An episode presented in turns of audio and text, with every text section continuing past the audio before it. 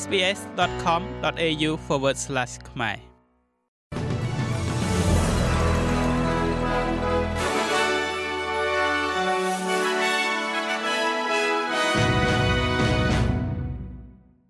ចាសសូមស្វាគមន៍មកកាន់នេតិព័ត៌មានខ្លីៗរបស់ SBS ខ្មែរសម្រាប់ថ្ងៃប្រហ័សទី3ខែសីហាឆ្នាំ2023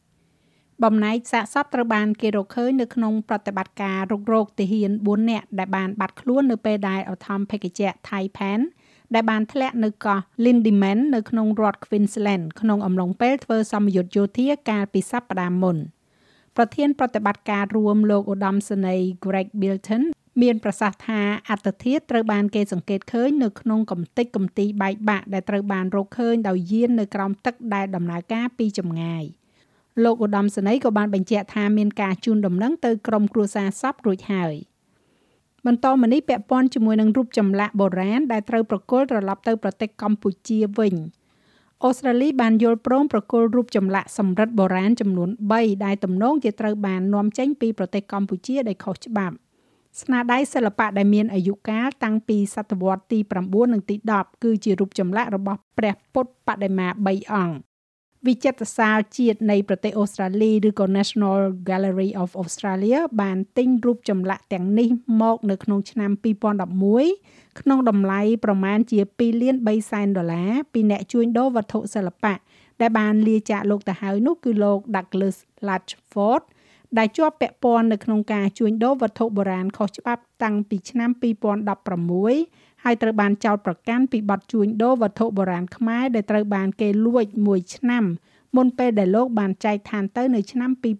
2020ចំណាត់ការដើម្បីប្រគល់ចម្លាក់នេះមកវិញ គឺជាលទ្ធផលនៃការស៊ើបអង្កេតនិងប្រឹក្សា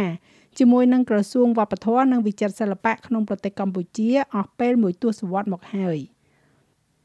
យើងក៏លេខមកមើលវិស័យ Age Care វិញរដ្ឋាភិបាលនិយាយថាខ្លួននឹងពិនិត្យមើលជំរើសជាសក្តានុពលទាំងអស់ដើម្បីផ្ដល់មូលនិធិដល់វិស័យមើលថែទាំមនុស្សចាស់ដើម្បីស្វែងរកបាននៅដំណោះស្រាយដ៏ល្អបំផុត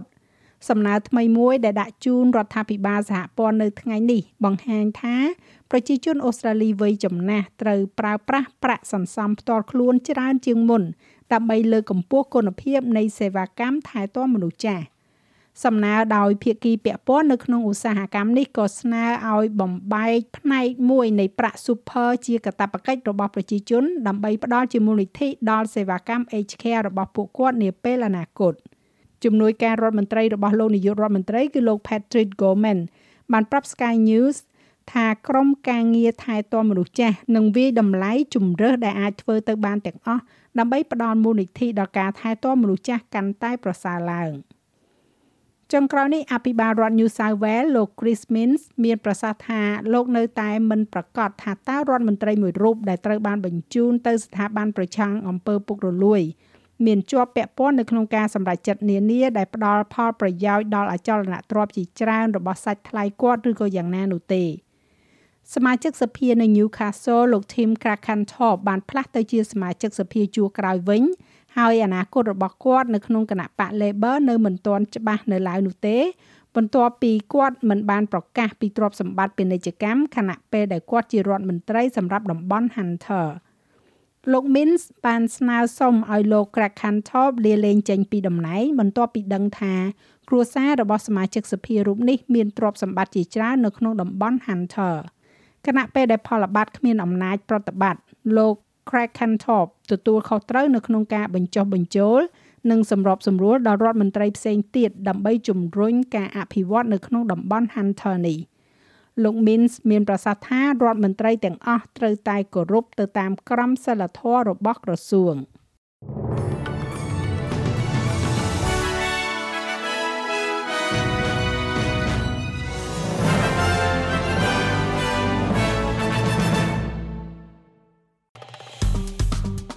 ចុច like share comment និង follow SPS ខ្មែរនៅលើ Facebook